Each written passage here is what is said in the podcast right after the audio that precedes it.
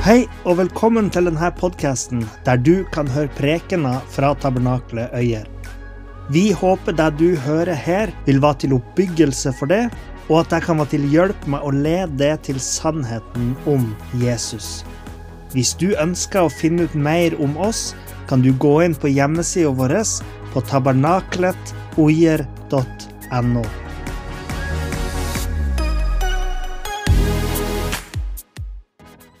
Vi kan be litt før jeg begynner. Kjære Herre, takker deg for at du er til stede her sammen med oss og gir kraft til eh, ditt ord som blir forkynt, og det som vi leser sammen i dag. Herre Far, jeg ber om at eh, det du har lagt på mitt hjerte i dag, skal eh, bli til overbevisning for de som lytter på, og skal utgjøre en forskjell i troslivet til alle oss. I Jesu navn. Amen. Ok, Så noen var her forrige uke, noen var ikke her forrige uke. Men noen har hørt på podkast, og det er supert. Tipp topp, tommel opp til dere. Eh, men jeg snakka forrige uke om eh, at status blant folket i Israel på den tida som vi er inne i nå, i første og andre Samuels bok, var, som vi leser i Dommernes bok 21-25, enhver gjorde det som var rett i egne øyne. Og denne krisen som var i Israel, hadde berørt alle deler av samfunnet. Til og med tempelet, eller tabernaklet, som nå befant seg i Shilo. Og Forrige uke så hørte vi om Hanna som fikk sønnen Samuel. Og i takknemlighet til Gud for at hun hadde fått denne sønnen, så tok hun han med til tempelet i Shilo for at han skulle tjene der i, i oppveksten sin. Og Rett etter Hanna sin lovsang, som vi snakka litt om forrige uke, i kapittel 2, vers 1-10, så er det det her vi leser i vers 11. Gutten tjente Herren framfor presten Elis ansikt. Så I dag så skal vi høre litt mer om denne Samuel, som vi ikke snakka så mye om i går, nei, forrige søndag men som likevel var en, en, viktig del av den historien. For det var den velsignelsen som Hanna fikk. Det var Samuel, og han skulle bli av stor betydning. Og Her så ser vi at han tjener foran presten Elis ansikt. Eli han var ypperste prest i eh, tempelet i Shilo på denne tida. Men like etter, i neste vers, så leser vi at Elis sønner var ondskapens sønner. De kjente ikke Herren. Hva var det med de her sønnene som gjorde at de kan kalles noe så, så negativt som ondskapens sønner? Det er ganske ille. Teksten her gir oss tre grunner. Er fire grunner hvis vi regner med det vi allerede har lest, at de ikke kjente Gud. Prester som ikke kjenner Gud, er jo ikke akkurat noe positivt. Men ellers er det tre grunner som nevnes her. Eh, I vers 13 der det, der begynner en beskrivelse. Slik hadde prestene for vane å gjøre mot folket. Nå skal vi få høre hvorfor de kalles ondskapens sønner. For det første de tingene de gjorde, vanhellige ofrene. Dere skjønner, prestene i Israel de hadde eh, rett til å forsyne seg av eh, offerdyrene som ble eh, levert til tempelet for å ofres, de fikk lov til å spise det høyre låret og brystet på offerdyrene som kom dit.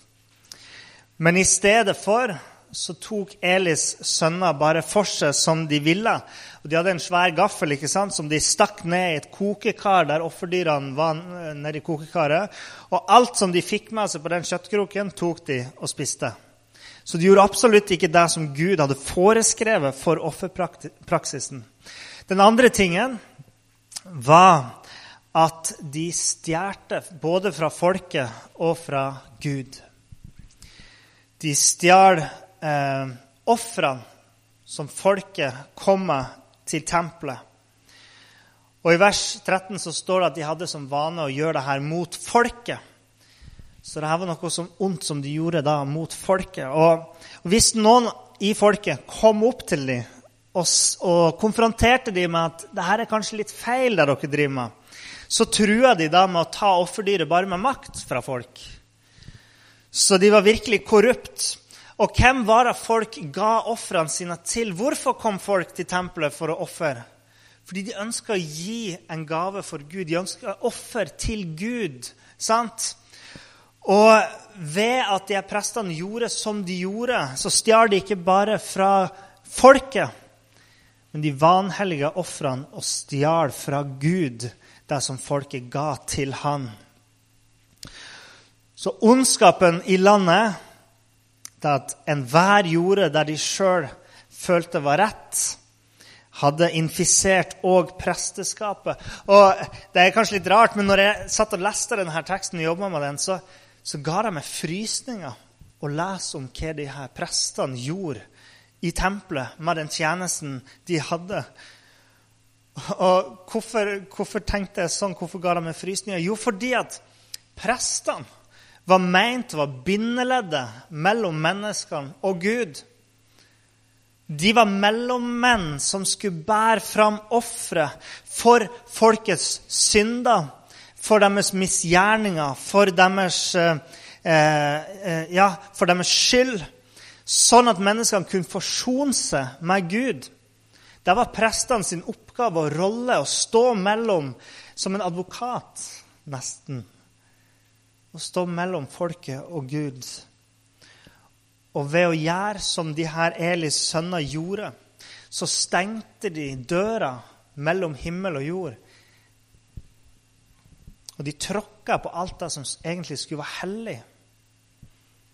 I Herrens hus, i tabernaklet, denne, eh, bygninga, dette stedet som representerte sant, Guds tilstedeværelse, Guds nærvær på jorda. Der sto de og spytta og hånte Gud. Det står i vers 17.: Derfor var de unge mennenes synd meget stor, for mennene foraktet Herrens offer. Den tredje tingen vi leser om i vers 22, de lå med kvinnene som samlet seg ved døren til åpenbaringsteltet. De gjorde tempelet stedet for tilbedelse av herskarenes herre, til et bordell. Så de vanhellige ofrene, de stjal fra folket, de stjal fra Gud, og de lå med kvinner i tempelet, i tabernaklet. Så deres synd var meget stor. Og hva gjorde Eli, da? Eli var jo ypperstepresten. Hva gjorde han med her tingene? Det var jo hans sønner som holdt på med det her. Jo, Vi leser i vers 23-25, der Eli konfronterer de. Hvorfor gjør dere slike ting, sier han. For fra hele folket hører jeg om deres onde gjerninger. Dere fører Herrens folk ut i overtredelse. Likevel hørte de ikke på sin fars røst for Herren hadde besluttet at de skulle dø. Det var for seint. Eli klarte ikke å overtale dem, sjøl om han var deres far, sjøl om han var deres ypperste prest. Det var for seint. Resten av kapittel 2 forteller om en sånn uidentifisert profet som kalles bare en Guds mann, som profeterer for Eli inn i den situasjonen. Og han, bare, han, advarer ikke bare Eli, men han forteller òg hva som skal skje med Eli og hans hus. Og det er en hard dom. Og vi leser fra vers 31. Se, sier denne gudsmannen på vegne av Gud. Se, dager skal komme da jeg vil bryte din makt og makten til din fars hus, altså presteskapet, den slekta som Eli er i, den makten skal bli brutt, så det aldri blir noen gammel mann i ditt hus. Og vers 33. Og alle etterkommende av ditt hus skal dø i sin beste alder. Og vers 34. Dette skal være et tegn for deg, et tegn på hva som skal komme over dine to sønner, over Hofni og Pinhas. På en dag skal de begge dø. Og hvorfor skulle denne straffen ramme Eli òg, ikke bare hans sønner? Det virka som de sto i bresjen for det her. Ondskapens sønner. Men det er jo fordi Eli var ypperstepresten. Det var hans ansvar Han var den fremste av prestene. Han var deres far, og han burde ha ansvar for det her. Og I tillegg så er det godt mulig at, eh, at eh, Eli ikke bare var indirekte involvert i de her syndene ved at han lot de holde på så lenge som de hadde gjort, men at han nå kanskje spiste av den maten som sønnene stjal fra ofrene. Eh, og at han kanskje deltok i denne eh, praksisen. Det står ikke noe om det her. Men han var i hvert fall indirekte ansvarlig for deres synd, og straffen rammet òg han. Men i løpet av denne teksten så ser vi at det tegnes opp et motsetningsforhold mellom Elis sønner og Samuel. For Først så hører vi i Hannas lovsang som vi om i forrige uke, at de som står imot Gud, skal knuses. Og Derfor så kommer jo denne dommen over Elis sønner nå. Og så hører vi om Samuel som tjener Gud. Først dette budskapet om dom, og så hører vi om Samuel som tjener Gud. Og så leser vi nå om ondskapens sønner, om Eli sine sønner. Og så hører vi igjen om Samuels tjeneste og hvordan Hanna blir velsigna. Og så Fra vers 22 så står det om hvordan Eli klarte ikke å styre presteskapet. Og vi får høre om enda flere av de syndene som Elis sønner holdt på med. Hører dere at det går sånn fram og tilbake? Fram og tilbake mellom, mellom det onde og så Samuel og hans tjeneste. Og i vers 35 så kan vi lese Der står det at gutten Samuel vokste opp og ble stor og gikk fram i det som var godt, både hos Herren og blant mennesker. Husk Elis sønner. De synda mot folket, de synda mot Gud. De var ond. Gutten Samuel gikk fram i det som var godt, både hos Herren og blant mennesker. Akkurat det motsatte av Elis sønner. Så ved å gå sånn her fram og tilbake mellom eh, det onde i disse kapitlene og Samuels tjeneste, så vil forfatteren av denne boka at vi virkelig skal merke oss og legge merke til at det her er en forskjell mellom Samuel og de her andre. Det er noe spesielt med Samuel. Gud var på vei til å reise opp en ny prest i sitt hus som var alt det som Elis sønner ikke var. Innimellom all denne ondskapen i tempelet, i prestetjenesten, så er det et lyspunkt her. Det er et lyspunkt i tempelet. Det er Samuel. La oss gå noen vers tilbake og lese i vers 18, rett etter det som sto om ondskapens sønner. For der står det Men Samuel gjorde tjeneste for Herrens ansikt en liten gutt kledd i en efod eller en presteskjortel av lin. Det er en gjentagelse av det som vi leste i vers 11, der det sto at eh, Samuel tjente foran Eli. Og Ordet 'tjene', som brukes her, brukes gjerne om prestetjenesten. Den prestlige tjenesten i tempelet. Så Samuel han tjente òg i tempelet, sånn som prestene gjorde. Men Samuel synda ikke sånn som de andre. Et annet lyspunkt i denne historien er historien om Hanna.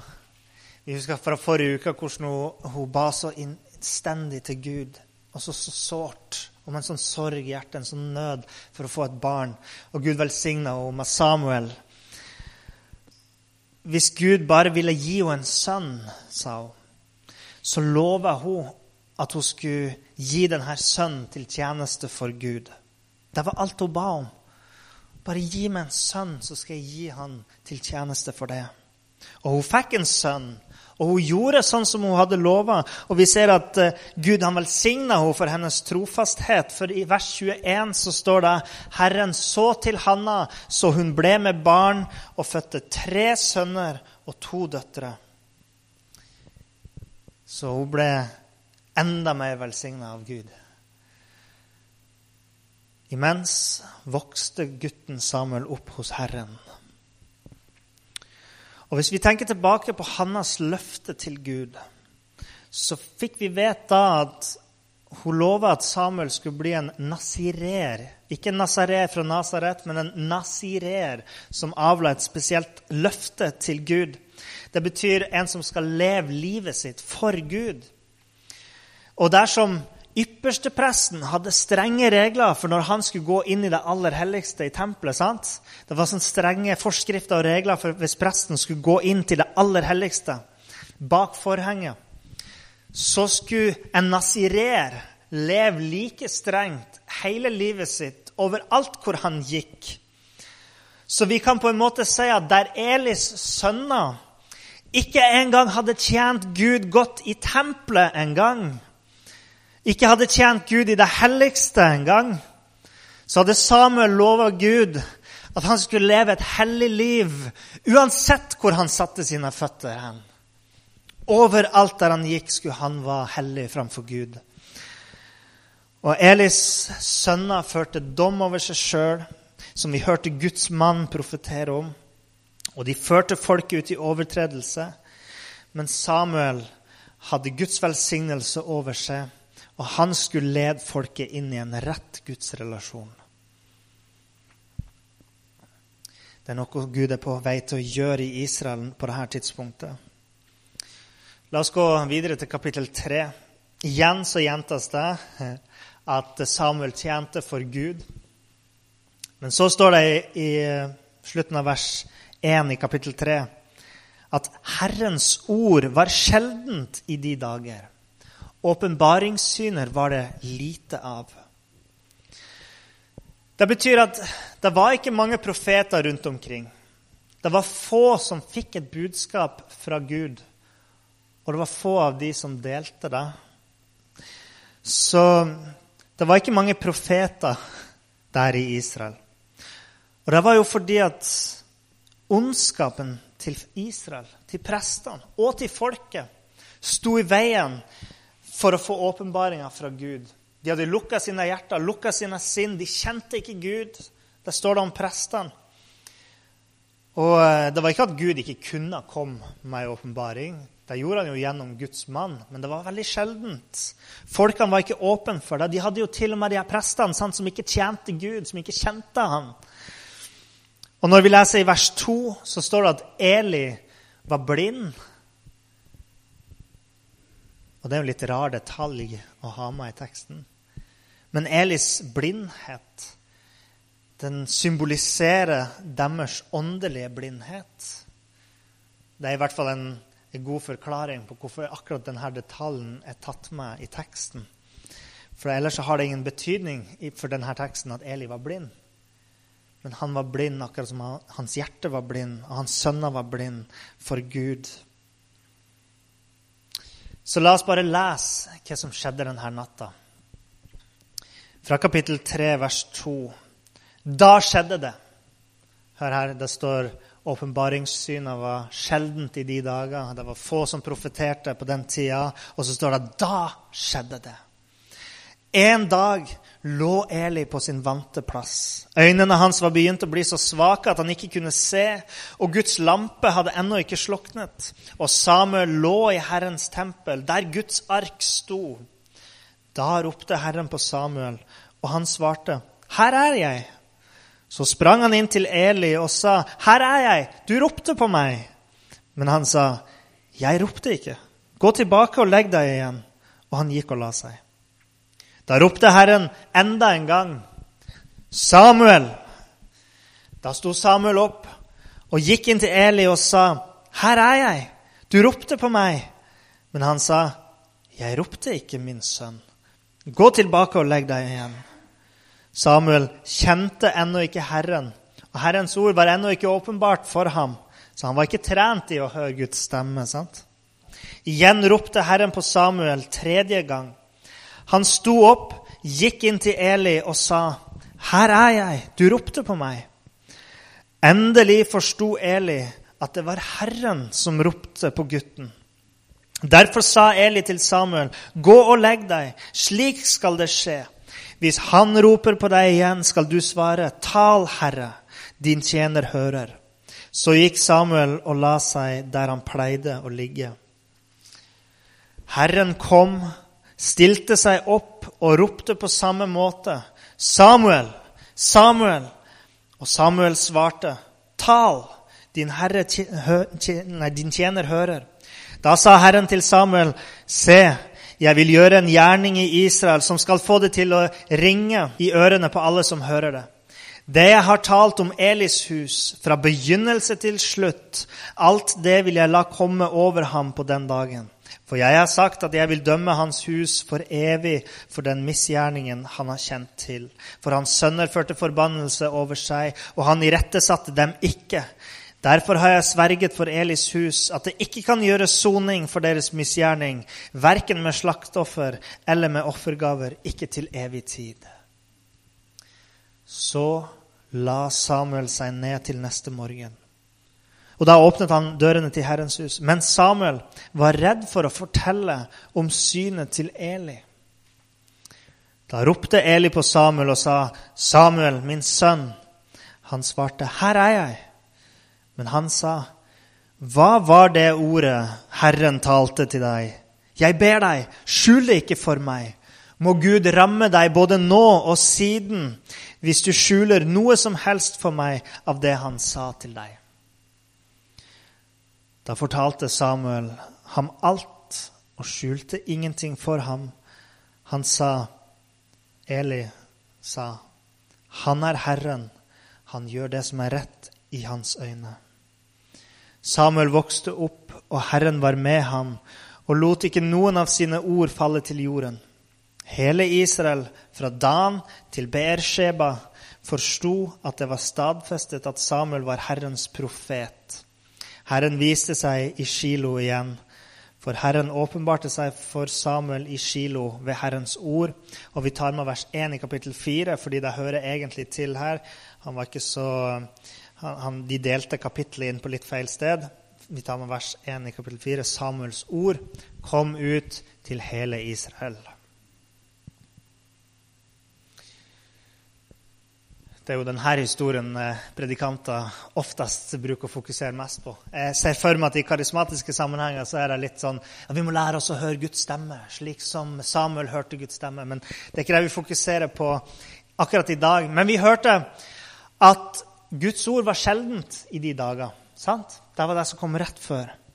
Men nå ser vi at Samuel får ei profetisk åpenbaring fra Gud. Så Gud han reiste opp en ny profet for Israel. Og dette er òg begynnelsen på Samuels sin rolle som dommer i Israel. Dommere husker dere var de som styrte i landet på denne tida. Så her er begynnelsen på det. Men vi ser altså at i Samuel så er det to viktige embeter i Israel som vekkes til live igjen. To embeter som var borte embetet som profess, prest, mener som eh, Elis sønner hadde eh, gjort en skikkelig dårlig jobb med. Og embetet som profet, som òg israelittene hadde eh, ikke greid å de, de, hørte ikke Guds stemme, så de hadde ingen profeter. Så Gud reiser i en og samme, profe, en og samme person opp en person som har begge rollene, som både prest og som profet. Og Før vi ser på noen åndelige sannheter om hva denne teksten kan eh, si til våre egne liv, så skal vi se på noen interessante detaljer i denne teksten. Vi leste om denne Guds mann sant? som profeterte og sa at det ville komme en streng dom over Elis hus. Men det var ikke bare et budskap om dom denne profeten kom med, sjøl om jeg hoppa over det.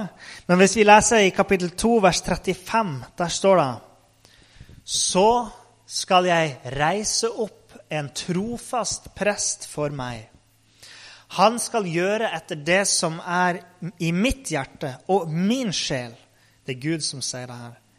Jeg skal bygge et trygt hus for ham, og han skal vandre for min salvedes ansikt alle dager. Messias betyr den salvede. Så her er det snakk om en trofast prest som skal gjøre tjeneste framfor Messias ansikt alle dager. Og hele dette kapitlet, fra Hannas lovsang som avslutter en messiansk profeti, hele dette kapitlet har sånn, et sånn messiansk preg over seg. Det vil ikke si at presten det profeteres om her, er Jesus først og fremst. Noen har foreslått at det er snakk om Samuel, men mange sier at det handler om en prest som heter Sadok, som vi får høre om i første kongebok, kapittel 2, der eh, kong Salomo utnevner en prest. Eh, men uansett så har vi her en profeti der Gud lover å reise opp en, en ny prest, en trofast prest, som gjør etter hans hjerte og etter hans sjel. Og et bibelsk prinsipp er det at Gud han gir aldri mindre enn det han har lova. Okay? Så, sånn som eh, vi leste om Hanna, eh, der hun ba om å få én sønn, så velger Gud å ikke bare svare på hennes enkle bønn, men han gir henne seks barn til sammen med Samuel. Tre sønner til og to døtre til. Han overøser henne.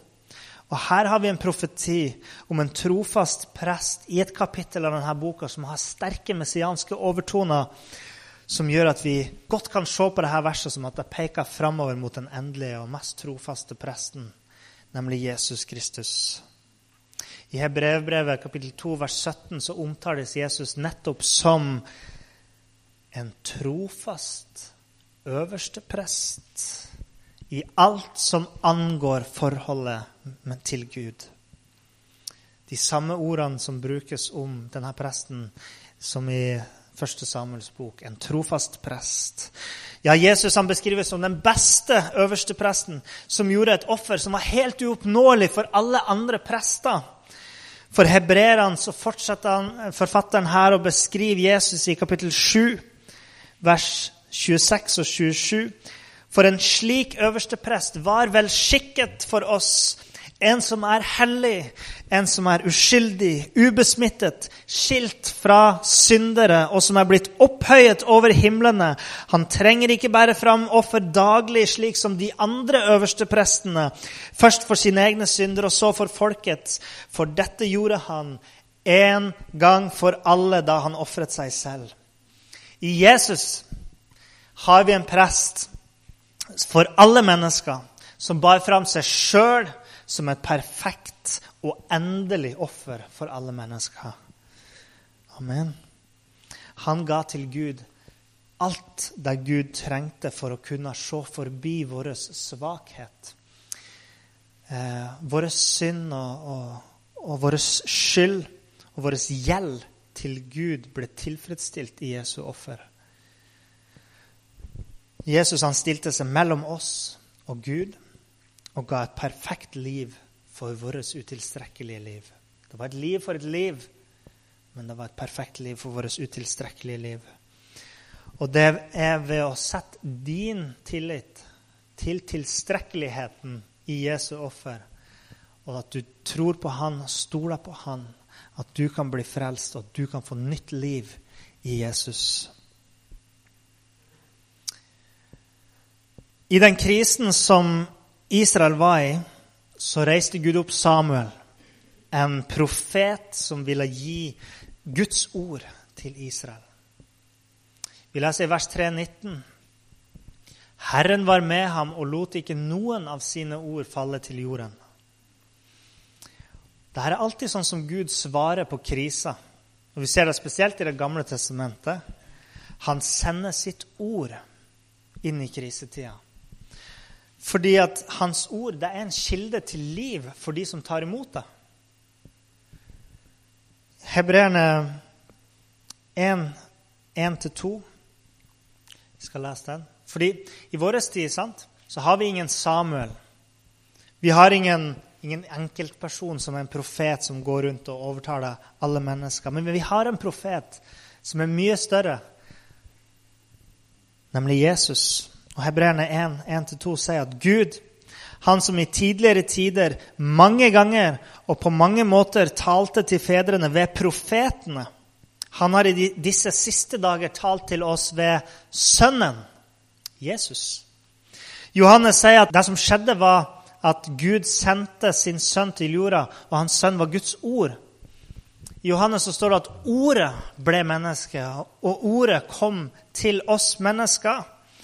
Fylden av Guds råd, for vi søngte om eh, rådet her i stad. Hans ord, hans vesen, ble synlig oss, for oss i Jesus. Og når han talte, om det var trøstende ord eller om det var irettesettelse han talte av syndere og hyklere, så var det Guds sannhet han talte inn i livet til folk. Og i de krisene som vi befinner oss i, i alle krisene rundt omkring i verden som, eh, som vi kan oppleve i vårt eh, enkeltliv, det som krisene vi har inni oss, og krisene vi har rundt oss, så trenger vi kraften i Guds ord. Kraften som gir liv. Jesu helbredende ord som er kraft til liv i oss. Det er ingen profeter som Jesus, for det han talte, er virksomt i oss i dag ved Hans ånd. Og hans løfte om frelse for de som stoler på Han og tror på Han, er sann for det i dag. Og vi skal gripe tak i det løftet og tro på det. Og ta imot Guds frelse. Det finnes mange falske prester og falske profeter som forfører mennesker og holder mennesker borte fra Gud. Ikke nødvendigvis prester som kler seg i prestekjole, og profeter som går i aske og striesekk. Men det er mange mennesker som forfører andre, og som fører dem til fall. Hva ville vi ha sagt i vårt samfunn i dag? Hva ville folk ha sagt i dag? Hvis noen holdt det på sånn som de her Elis prester. Hvis vi som kristne, eller kanskje vi hadde vært jøder da, hadde kritisert prestene og sagt det de gjør, er ikke riktig, hva ville folk ha sagt? Hvem er du til å kritisere deres religion? La de få lov til å holde på. Ikke være en sånn, dømmende, sånn fordømmende kristen, liksom. De har sin sannhet, du har din. De er bare ikke like streng på reglene som da du er. Hvorfor er du så, hvorfor er du så streng? Kanskje er det noe sånt det ville vært i vår tid i dag. I dag er det mange religioner som har ledere som utøver samme rolle som Elis sønner. Og den rollen er å forføre mennesker og holde dem borte fra et forhold til vår Far i himmelen. De kjente ikke Gud. De var åndelig blind, sånn som deres far Eli var fysisk blind. Men Gud reiste opp en liten gutt, Samuel, som turte å bære fram Guds budskap til Eli og til hans hus. Det var ikke lett for Samuel å si Guds ord til Eli. Og Det sto det i teksten. Han ville ikke, han turte ikke. Men det var sannheten. Og slik var det med Jesus òg noen gang. Noen ganger sa Jesus ganske harde ting, til og med til disiplene sine. Sa ganske strenge ting. Men ordene hans var like sann og like livgivende, sjøl om de var strenge. Sannheten er ikke alltid det vi vil høre. Men la dere merke til at når Eli hørte Samuel si Guds ord og det budskapet han hadde fått, så sa bare Eli han er Herren. Han gjør det som er godt i hans øyne. Husker dere hva som prega samfunnet på denne tida? Alle gjorde det som var rett i egne øyne. Nå så ble de konfrontert med en gud som ville gjenopprette Israel, og ikke lenger tåle at folk gjorde det som var rett i egne øyne. Nå skulle Gud gjøre det som var rett i hans øyne. Og den harde sannheten som konfronterer oss, er at vi kan leve og tro akkurat som vi vil sjøl, men til syvende og sist så vil Gud gjøre det som er rett i hans øyne. Hans rettferdighet vil skje i hver enkelt sitt liv. For de som ærer meg, sier Gud, skal jeg ære. Og de som forakter meg, skal aktes for intet. Men vårt håp er i handlingene til denne trofaste øverste presten. Og i ordene til den største profeten, Guds sønn, Jesus. Og som kristne så kan vi stå i hans sted her i verden og være representanter for Jesus. Og utfylle de rollene som Samuel fikk utfylle i Israel. Peter han skriver at vi er et hellig presteskap. I 1. Peters brev, kapittel 2, vers 4 og 5. Når dere kommer til ham, altså Jesus, som er den levende stein, da blir også dere som levende steiner bygd opp til et åndelig hus, et hellig presteskap, til å bære fram åndelige offer som er til behag for Gud ved Jesus Kristus. Hvis vi legger ned vårt liv og overgir oss sjøl til Jesus, og vi lar det gamle dø på korset sammen med Han, og vi tjener Gud med alt vi er, så kan vi være et hellig presteskap for Han. Et hellig presteskap som den presten Gud reiste opp i Israel. Og så er vi kalt til å være lys og salt i denne verden. Det betyr at vi er kalt til å bringe Guds ord til verden. Og ikke bare si de gode og fine tingene som folk liker å høre, men det er òg å ta Guds sannhet til verden, sjøl om det er ubehagelig for oss. Og hva budbringeren, så er det sant, og vi vet at det er nødvendig. Og hva profeter som taler Guds sannhet inn i en verden som er i krise.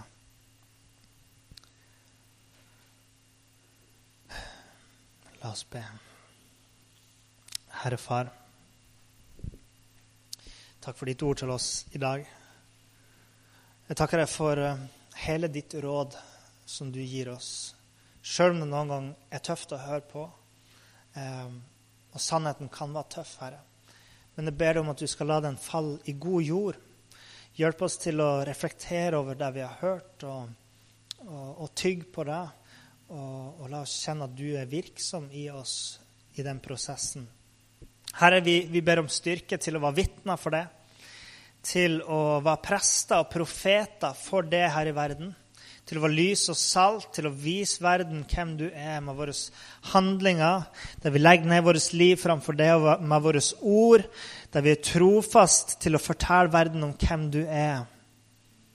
Trofast til å fortelle mennesker om hvor høyt du elsker dem og hva som vil skje hvis de vender ryggen til deg. Styrk oss, Herre Far. I Jesu navn. Amen. Takk for at du hørte på. Hvis du tok et steg i tro i dag, eller du har noe du ønsker forbønn for, så vil vi gjerne høre ifra det via e-postadressen kontaktalfakrølltabernakletoier.no Du er òg velkommen til våre ukentlige gudstjenester i menighetslokalet i Haugskutua 5 26 36 Øyer.